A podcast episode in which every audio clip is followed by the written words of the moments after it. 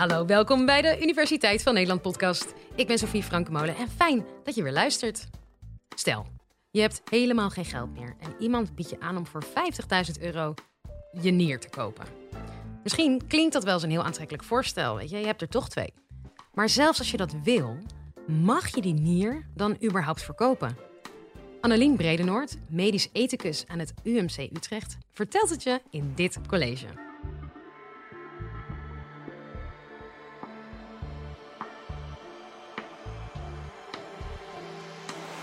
Live vanuit Club Air is dit de Universiteit van Nederland.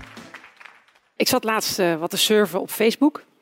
En toen kwam ik een ontzettend opmerkelijk bericht tegen. Namelijk een ernstig zieke patiënt die een oproep deed op Facebook voor een nieuwe nier. En hij zei erbij dat hij bereid was om flink wat geld te betalen voor die nier. Wie vindt hier dat je geld moet kunnen krijgen voor het doneren van een nier?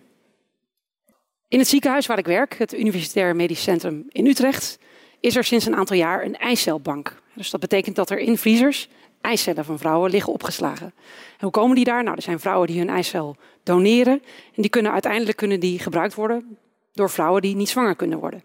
En nou, dat, dat afstaan van zo'n eicel is best een vervelende, belastende procedure.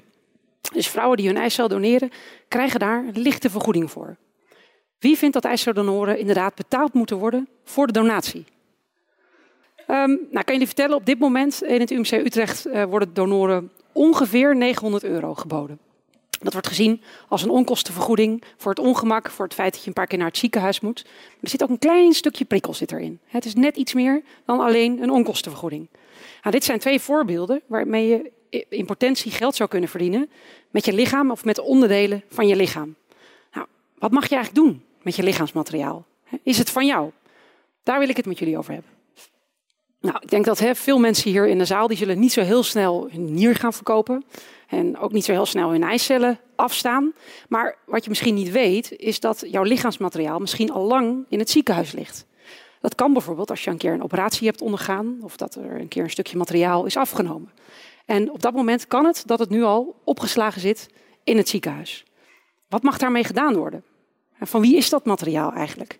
Door technologische ontwikkelingen is het de laatste decennia steeds makkelijker geworden om allerlei vormen van lichaamsmateriaal, verschillende typen weefsel, maar dus ook inderdaad eicellen en bloed, om dat op te staan in het ziekenhuis. En de, de plek waar dat opgeslagen is, dat noemen we een biobank. Er zitten allemaal stukjes weefsel, zitten daar ingevroren. Kan echt van alles kan dat zijn. En de beheerder van de biobank weet dus ook precies wat er wel niet mag met dat stukje lichaamsmateriaal, van wie het ooit afkomstig was, in de meeste gevallen, en aan wie het gegeven is, aan welke onderzoekers het uitgeleend is. Maar een van de meest spannende vragen, waar ik het met jullie verder over wil hebben, is de vraag van eigendom. van wie is dat stukje lichaamsmateriaal dat daar opgeslagen zit in die vriezer? En een tweede vraag is dan ook meteen, mag je er dan ook geld mee verdienen? En sowieso is natuurlijk de vraag van wie is nou lichaamsmateriaal als het eenmaal los is van ons lichaam? ik weet niet of je hier vaak over nagedacht hebt, maar het is best wel een belangrijke vraag. Want normaal, als je het hebt over eigendom of over een eigenaar, de eigenaar van iets, die mag bepalen wat ermee gebeurt. En of het wel of niet verkocht wordt.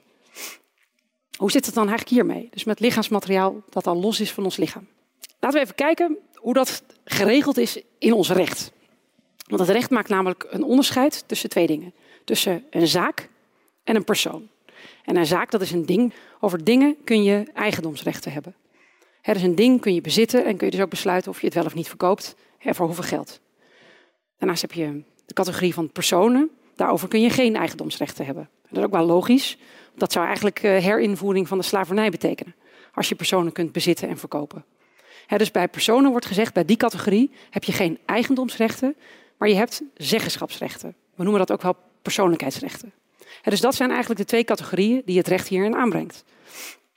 Um, wat is lichaamsmateriaal? Zoals cellen of een nier of ander stukken weefsel. Wat is dat dan?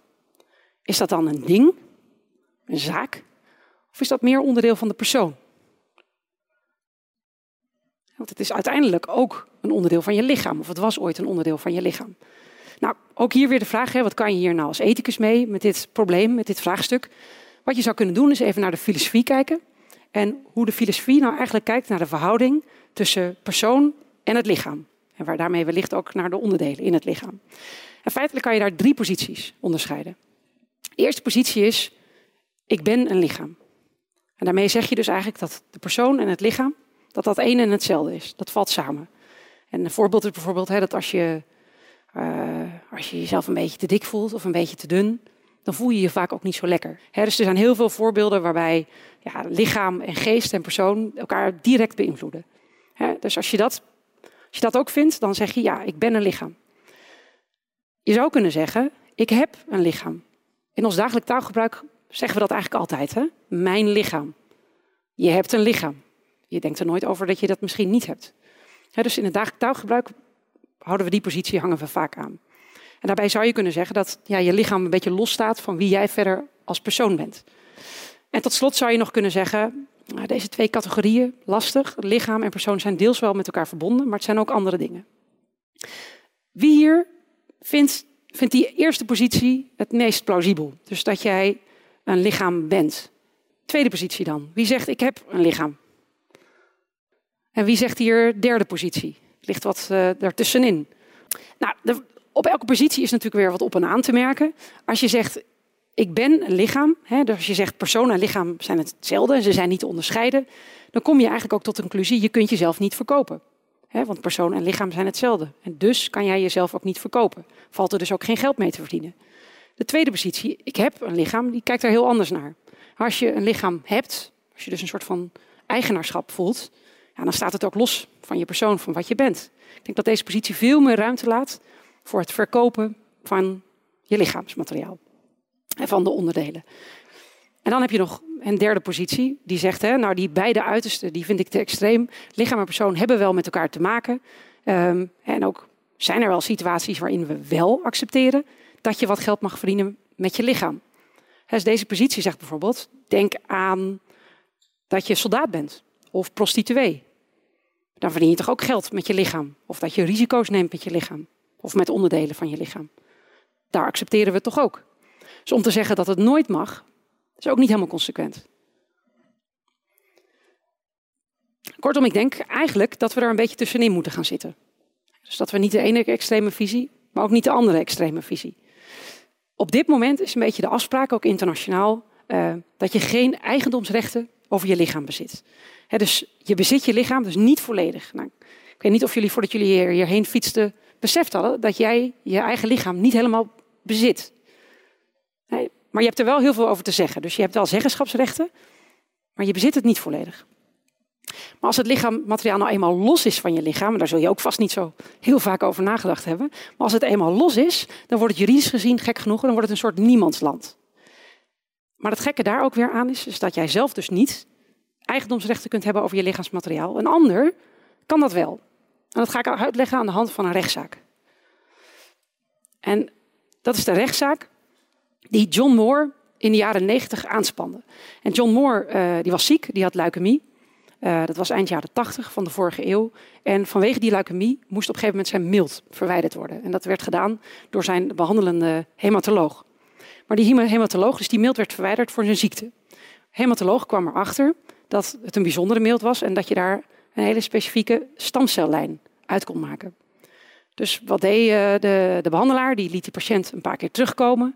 En uh, hij richtte zelf een bedrijfje op, samen met zijn werkgever, de Universiteit van Californië. En uiteindelijk werd dat een miljoen dollar industrie.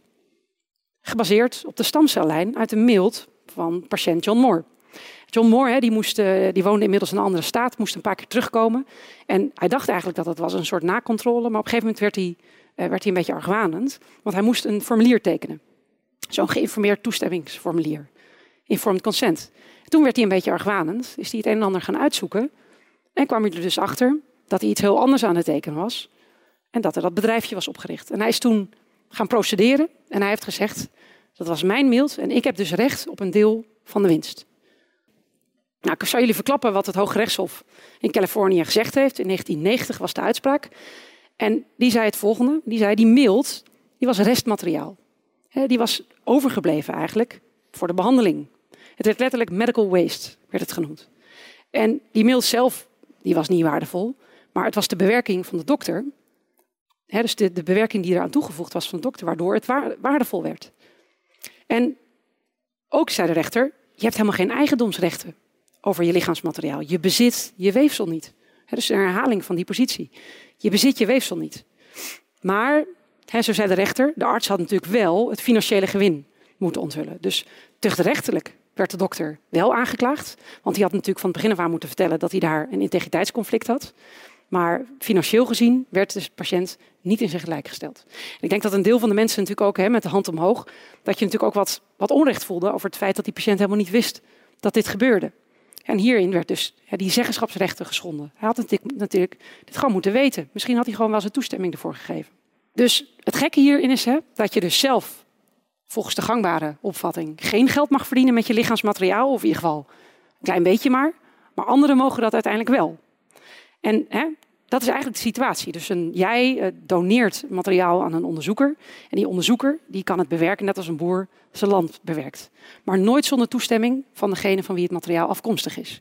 dus die zeggenschapsrechten die hou je altijd. En enerzijds kun je denken, ja, dan verdient een ander er geld mee. Maar het is natuurlijk de, de, de enorme energie en uh, denkwerk, tijd en het geld die erin gestopt heeft, die uiteindelijk maakt dat dat materiaal wat waard is. de, de, als een stukje weefsel en haar en de vezels die wij achterlaten. Dat is als we daar niks mee doen, is het natuurlijk helemaal niks waard.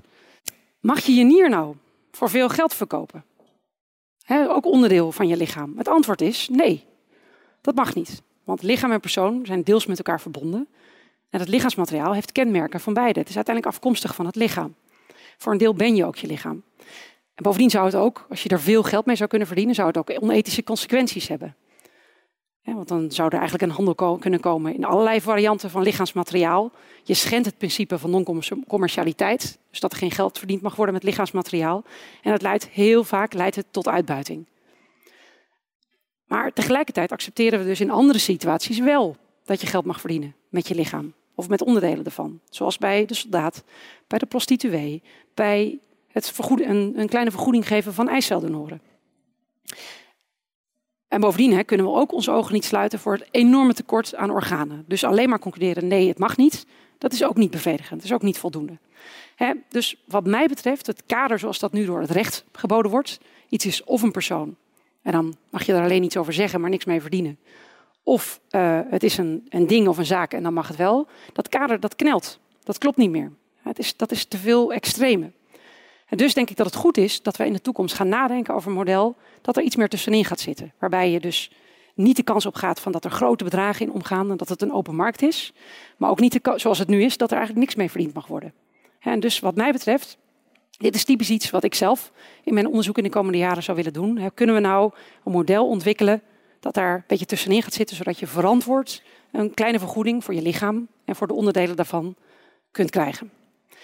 Zoals je ziet, hè, alle medisch-ethische dilemma's. Het zijn altijd situaties waarin je niet zozeer het goede wil nastreven, maar doet je eigenlijk je best om het meeste kwaad te voorkomen. Dus het is een beetje vergelijkbaar met de Griekse tragedies, waarbij het altijd een beetje laveren was tussen het ene kwaad en het andere nog grotere kwaad. En er blijft altijd, wat, wat je ook beslist, er blijft altijd een klein beetje morele pijn blijft erover, wat je ook kiest. Je hoorde Annelien Breednoord. We vinden het heel leuk om te horen wat je van dit college vond. Laat een review achter in je podcast-app en vertel het ons. In de volgende aflevering gaat het over waarom het soms zo lastig is voor landen om excuses aan te bieden. Tot de volgende!